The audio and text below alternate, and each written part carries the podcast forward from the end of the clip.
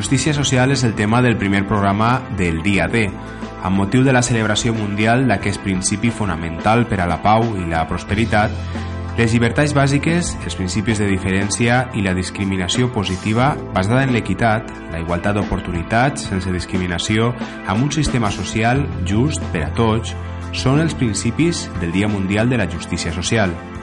L'Assemblea de les Nacions Unides va declarar aquesta celebració per a cada 20 de febrer. Amb el sorgiment del capitalisme, la classe treballadora va començar a mostrar el malestar i al segle XIX, amb el conflicte social declarat, va prendre força el moviment de la justícia social, que a poc a poc es va anar instaurant, possibilitant a les persones el dret a ser iguals en drets i dignitat, uns drets que actualment sembla que van perdent-se. En una època com l'actual, amb unes dades d'atur astronòmiques, desdonaments a tot arreu, centenars de famílies en la pobresa absoluta, polítics corruptes o presumptament corruptes, retallades per tot arreu, és moment de fer valoracions i fer-se moltes preguntes. Sabem que vosaltres també vos les feu habitualment i penseu que en este moment vivim en una injustícia social. Per a poder tractar este tema hem convidat a aquest primer programa a Rafael Ortiz, delegat del Col·legi d'Advocats de València a la Vall d'Albaida. Benvingut, Rafael. Bon dia. Primer que res li preguntaria que ens qualificara per a vostè o per al Col·legi d'Advocats què és la justícia social. Bueno, la justícia social és un terme molt ampli i pense que és, eh, conforme has in, in, has nomenat en la introducció pues és eh, apoyar a aquestes persones que no tenen recursos, eh, que tinguin els mateixos drets que les persones eh, que, que tenen més capacitat econòmica, que no hi hagi distincions entre, entre persones per, ningú, eh, per ninguna raó de raza o, re, o religió o creència i en definitiva pues, jo entenc que la justícia social és eh, que n'hi hagi justícia igual per tots, que tots tinguem els mateixos drets. Actualment està fent-se un repartiment equitatiu d'aixos béns socials? Eh, anem a veure. Jo entenc que sí, eh, en el que respecta a la justícia, perquè efectivament eh, la justícia és, un, és una competència que ha sigut transferida principalment a les comunitats autònomes, o sigui, avui per avui el que són jutges i secretaris depenen del Ministeri de Justícia, però el que és el funcionariat depèn de, la, de, de les comunitats autònomes. Així en València en concret, pues, tinguem el, la Ciutat de la Justícia en València, que és un exemple de, de, de modernitat i de lo que té que ser la justícia. Funciona perfectament i eh, sí que tinc que dir que, claro, jo considero que ese, Aquesta ciutat de la justícia és una justícia de primera i la justícia que tinguem en els altres partits judicials, com si bé no en tenim, per exemple, pues, és una justícia de tercera, no funciona igual. Eh, un, una, un problema, per exemple, així en els jutjats d'Ontinyent o en els de Xàtiva, que es ve reclamant-se des de fa molts anys, són les, eh, les instal·lacions obsoletes no?, que hi ha. Sí, i el sistema de, de treballar, per exemple, el problema que han tingut des de fa molts anys en aquests partits judicials és la estabilitat del jutge i del secretari i de molts funcionaris, perquè normalment és el primer destí que tenen els jutges i els dos anys se'n van, eh, ve un altre juez, eh, es passen molt de temps fent eh, el que són alardes o recuentos d'expedients, un funcionari mm, agarra una baixa, la conselleria no envia a ningú que el substituïsca, totes aquestes coses en el que és la ciutat de la justícia en València no, no es dona. Allí hi ha més estabilitat, els funcionaris automàticament són reemplaçats per un, per un, per un interí i, claro, eh, el servici va més, més, més a pressa. Parlant del tema que ens trata avui, de la justícia social, amb la problemàtica econòmica actual i els casos que diàriament viuen a les seues oficines, creu que els drets humans comencen a perdre vigència i que les classes socials més desafavorides compten amb menys oportunitats de creixement? No, no, no, en absolut. O sea, eh, la crisi efectivament fa que molta gent estigui passant mal, eh, n'hi ha molta gent que no té recursos per litigar, no pot exercir aquests drets a, a que té dret, però eh, tot el món té que saber que n'hi ha un servici que presta el Col·legi d'Abogats, que és el, el servici d'abogats del turno d'ofici, que, que precisament és per a aquestes persones que no tenen recursos. I n'hi ha que eh, dir que aquests abogats que estan en el turno d'ofici, així no en tenien en concret, són professionals superpreparats perquè ens exigeixen dos anys de col·legiació mínim, els cursos de pràctica jurídica, el curs de menors, el curs d'estrangeria, el curs de violència de gènere i una sèrie de, de formació eh, que garantitza que aquests servicis preste de, de la millor manera possible a totes aquestes persones que no tinguin recursos. En, en referís, que referim a que si les persones que cada dia i cada dia més acudissin a les seves oficines eh, per casos, eh, les, per exemple, els desnonaments, que els tiren de la seva casa per no poder pagar i després vegem mm, altres, altres persones que estan furtant milions i milions de diners i no es passa res. Mm, no estan veient-se ahí dos, com si diguérem, dos justícies? Mm, bueno, eh, n'hi ha que distingir també aquests desnonaments. Eh, no estem parlant de ese particular que arrenda un pis a un inquilino i aquest inquilino no li paga. Estaríem parlant dels bancs que, uh -huh. que fan un préstec hipotecari i bueno, és la situació que després eh, no es pot pagar per, perquè aquesta persona normalment pues, perd el treball. bueno, efectivament eh, n'hi ha un, un procediment establit per a aquest tipus d'execució i, i n'hi ha mecanismes per pa parar aquestes injustícies. Eh, de fet, es va dictar un decret l'any passat eh, per poder suspendre aquests desnonaments durant dos anys, complint uns requisitos. Eh, jo el que anim és a tota la gent que tinga problemes que es dirigisca o bé a l'Ajuntament a servicis socials o bé al Col·legi d'Abogats, que, que tinguem el servici de, de, del SOG, que és el, el Servici d'Orientació Jurídica, i a més si necessiten un abogat per poder oposar-se a aquesta execució, pues, demanaré l'abogat del turno d'ofici. Molt bé. En la seu d'Ontinyent, de l'ICAP, veuen incrementar-se els casos greus de problemes econòmics de les famílies de la Vall d'Albaida? Sí, sí. Eh, des de fa dos anys per ací estem notant un increment molt considerable de la gent que demana abogat eh, per defendre els seus interessos. En l'any 2012 exactament van demanar eh, abogat del turno d'ofici 432 persones. En l'any 2011 no van aplegar a 200. I sols el, el dato del mes de gener de l'any 2011, en l'any 2011 van demanar 7 persones abogat del turno, en el 2011. I en el 2013, en gener d'un any, l'han demanat 54 persones es nota que l'increment és massiu. Eh, Explica'ns qui són, quines persones són les que tenen dret a un abogat d'ofici. Eh, són persones que no superen el doble del salari mínim en els seus ingressos, eh, estaríem parlant de 1.200 euros al mes, i que no tinguin més de dos propietats, dos immobles a, a, a nom d'ells. Molt bé.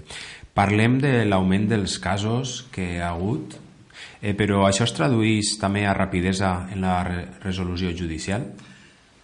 Pues no, tot al contrari. Quan més casos mm, la justícia no pot, eh, no pot eh, assumir tot, tot això, aquests tràmits de la manera que tenia que ser. Així no tenien, els juzgats estan treballant, pues, jo diria que un 200%. Si el Consejo General del Poder Judicial diu que cada juzgat per anar bé té que tramitar 400 assumptes a l'any, així no en tenien, estic segur que estan tramitant-se més de 800. Eh? Entonces, claro, n'hi ha un increment i, i claro, això fa que, es, que vagin més lentos els casos. I, i es fa el que es pot. O sigui, si no en tenien, són quatre juzgats, els seus funcionaris, i, i treballen al 100%. O sigui, que, que al final la justícia plega. És lenta? Bueno, pues estos casos més urgents i més ràpids pues n'hi ha que insistir que, que es tramiten. No és el mateix eh, demanar la suspensió d'un desnonament que està assenyalat per d'ací dos mesos que, per exemple, uno que no li paguen una lletra i tinga que reclamar-la. Claro, cada un té el seu dret, però n'hi ha unes coses més urgents. I, i de fet, el juzgat en, en, a l'hora de repartir els assumptes i a l'hora de tramitar té en compte tot això. Eh? Això hauria de traduir-se en, en un augment de, de jutges a la zona? Sí, eh, l'última visita que ens va fer així Fernando de Rosa eh, ja ens dia que en els datos que tenim en la Vall d'Albaida que ve a ser sobre una població de 80.000 habitants en, en els, bueno, en els procediments que es tramiten i tot ens fem falta sis, sis juzgats, sis, i en tinguem quatre, o sigui que per lo menos uno més sí que ens faria falta. Però ja veurem quan arribarà, no? Pues sí, lo, lo primer que, que ens tenien que fer és un palau de justícia nou, -huh. perquè, claro, les instal·lacions estan obsoletes, eh, no n'hi ha servicis... De fet, tinc que dir que, per exemple, el que és el metge forense eh, està en el primer pis i no n'hi ha ascensor. Entonces, eh, una persona que està accidentada i té que anar en muletes o en queda de rodes, sols n'hi ha un accés a través de la sala de vistes i es dona la circumstància a voltes que estem celebrant un juí, ens toquen a la porta, eh, se puede i passa un senyor en la crida de rodes perquè va al forense, o sigui que dius, això passa així, pues sí, perquè no tinguem unes instal·lacions adequades. Passa així i, i en el segle XXI. Exacte. Una de les crítiques que més eh, es fan a la justícia és la seva lentitud, com parlàvem anteriorment. Com ho veu el col·lectiu d'advocats? Bueno, eh, estem acostumbrats, perquè així no en tenien... Eh, els problemes que tinguem així són els mateixos que tenen tots els partits judicials de València, excepte València Capital, perquè el que és la ciutat de la justícia pues, funciona d'una altra manera. Eh, la justícia és lenta, efectivament. Així estem acostumbrats a procediments llargs, però al final es dicta sentència i, i tot aplega. I diuen que la justícia lenta no és justícia. Jo estaria d'acord en aquesta frase, entre comilles, perquè eh, veig que, que no pot ser d'altra manera. És que eh, no pots exigir que un funcionari tramite 40 assumptes a la vegada. Fa el que pot. Quins són els casos que diàriament més van a cridar a la seva porta? Bueno, pues últimament bueno, sobretot l'any passat eren temes eh, laborals, despidos, eh, eh, i tot això ve també a voltes reflejat en, un, en discussions en, en la família, per tant, divorcis, eh?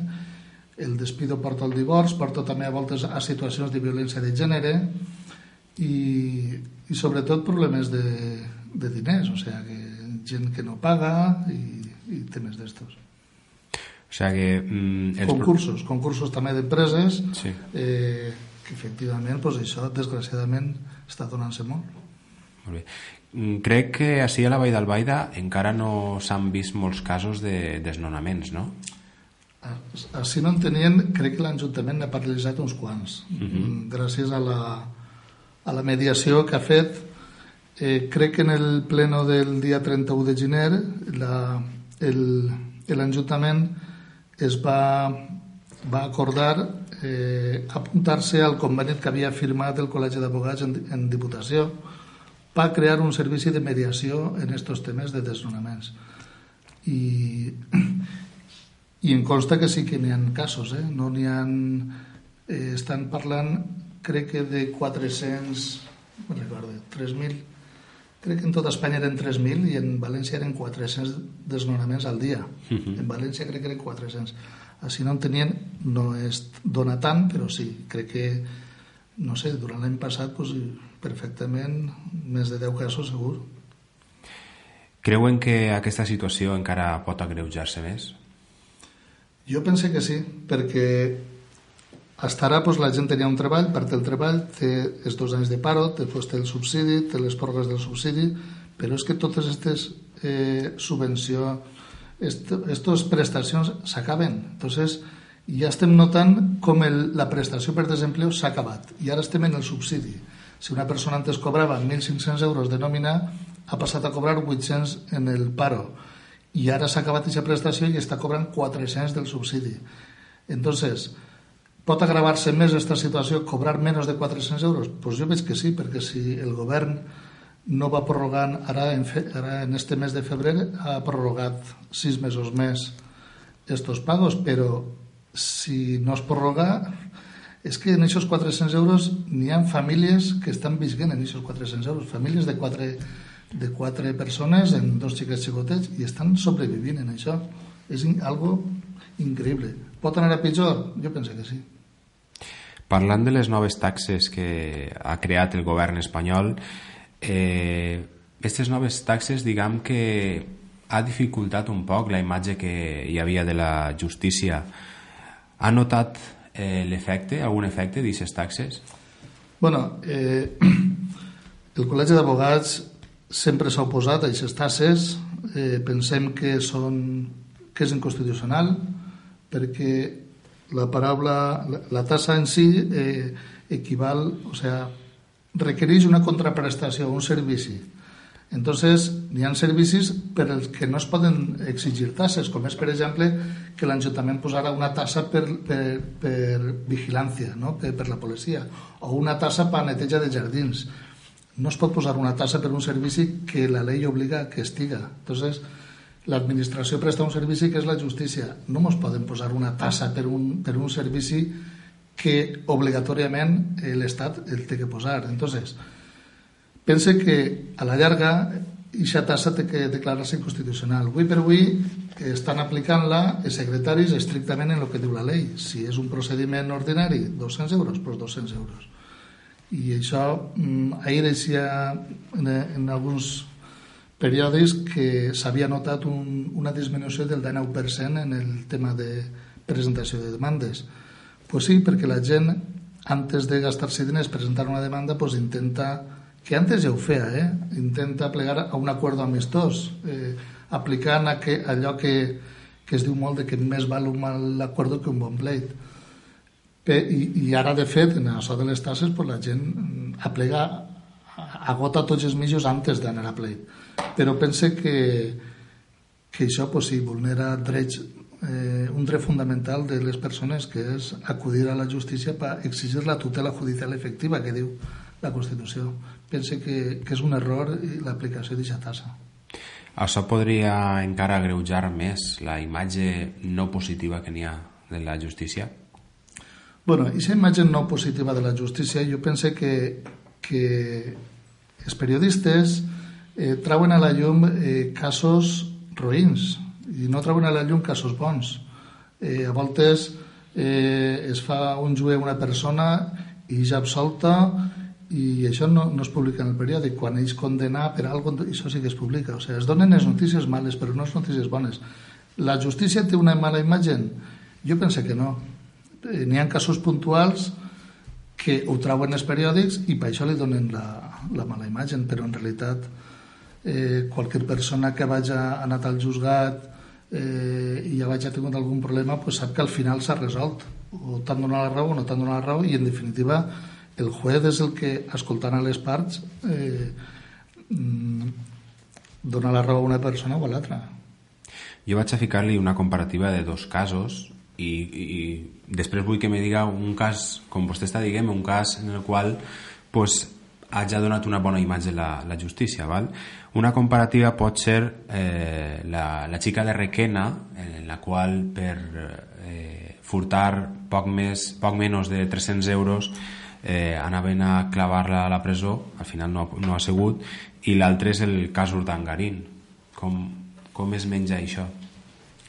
Bueno, el cas, és que el cas Urdangarín, anem a veure, jo mm, estan totes les dies parlant d'aquest cas, jo no el conec. Jo el que sí que sé que esta xica de Requena, per exemple, pues, eh, no entenc... Home, de fet, l'audiència ha rectificat. Jo crec que l'audiència de València quan una persona està en llibertat i demana un indulto, eh, per regla general jo diria que en el 100% dels casos l'audiència acorda la suspensió de l'execució d'aquesta pena. En aquest cas, em sembla que la xica no ho havia demanat, no havia demanat l'indulto, per tant, es dicta una sentència, s'executa. Gràcies als periodistes, pues, s'ha fet públic, la xica haurà demanat l'indulto i l'audiència haurà acordat la suspensió, que és el correcte.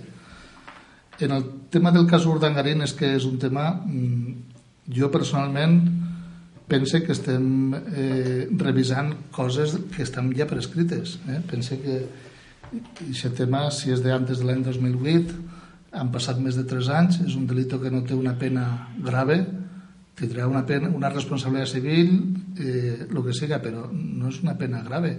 I pense que aquest tema que, eh, acabarà, acabarà dictant-se auto de prescripció, punto.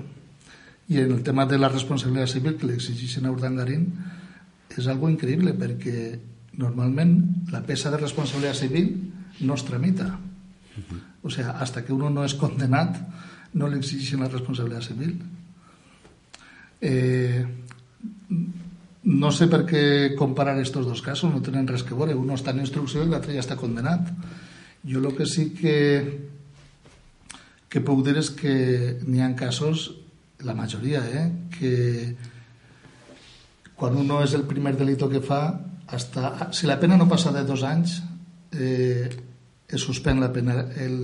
L'Estat li dona una altra oportunitat a aquesta persona. Si la pena passa de dos anys i aquesta persona han canviat les circumstàncies, eh, imaginem-se que el delito s'ha fet per, perquè estava enganxat a les drogues, eh, han canviat les circumstàncies, a aquesta persona sí que, sí que li acorden una suspensió, eh, sí que sí que li faciliten les coses.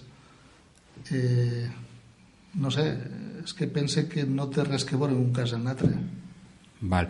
I un cas en el qual, com vostè ens, ens diu, ens dia abans, que també es puguen fixar en altres casos en els quals mm, sí que hi ha una bona imatge de la justícia, un cas que vostè ens poguera dir, que hagi pogut tractar fa poc de temps, així a la zona?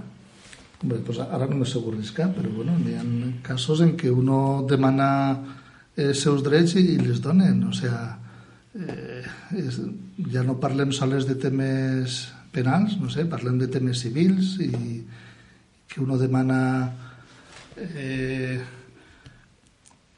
una persona, per exemple, últimament eh, un divorç que la persona estava pagant una pensió a la dona eh, no sé si en 250 euros al mes. Claro, i esa pensió per la dona era vitalicia, però es dona la circumstància de que la dona eh, complís 65 anys, es jubila i té la seva pensió. I a este senyor el, el juez diu que eh, té que seguir pagant-li la pensió, de forma que si ella cobrava 600 euros i ell en cobrava 600, ell damunt li tenia que pagar a ella 250. Claro, això és una injustícia que, que no podia ser així i, i efectivament al final es va dictar sentència extinguint aquesta pensió. O sigui, en un munt de casos persones que per exemple en, en un moment de la seva vida han tingut un error com és per exemple eh, jo què sé veure una nit veure una nit i, i el fan la prova de l'alcohol conduir, bueno, aquesta persona eh, la castiguen, li lleven el carnet un any s'ensenya la lliçó i, i no el tanquen a la presó, aquesta persona, a no ser que, que vagi a matar algú. O... Sí que n'hi ha casos, per exemple, que són incomprensibles, com és, per exemple, el, la concessió de l'indulto en un plaç de 10 mesos. Jo això és algo que no ho entenc. Jo l'últim indulto que vaig demanar el vaig demanar el 2008 i me l'han resolt ara, en octubre del 2012. M'ha tardat 4 anys. No sé com un indulto. El meu client l'havien condenat a dos anys i mig, que no, no l'havien condenat a 13 anys com, com esta persona de Gandia. El que no entenc com en 10 mesos s'ha tramitat un indulto i a més favorable en aquest cas. Uh -huh. Per tancar eh, aquest espai, eh, una última pregunta.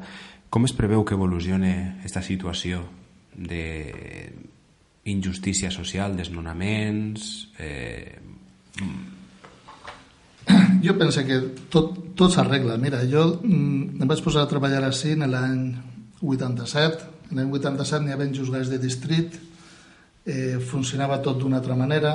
De fet, en aquells anys ja estava en vigor la Constitució, que és de l'any 78, i tot això, eh, tots aquests drets que ens reconeix la Constitució pues, han anat, eh, han anat eh, eh, com es diu, eh, desenvolupant-se en, en les lleis i han anat aplicant-se, i avui per avui pare, o sea, pot donar la impressió que no n'hi hagi justícia social, però eh, jo vos dic que sí, sí que n'hi ha justícia social.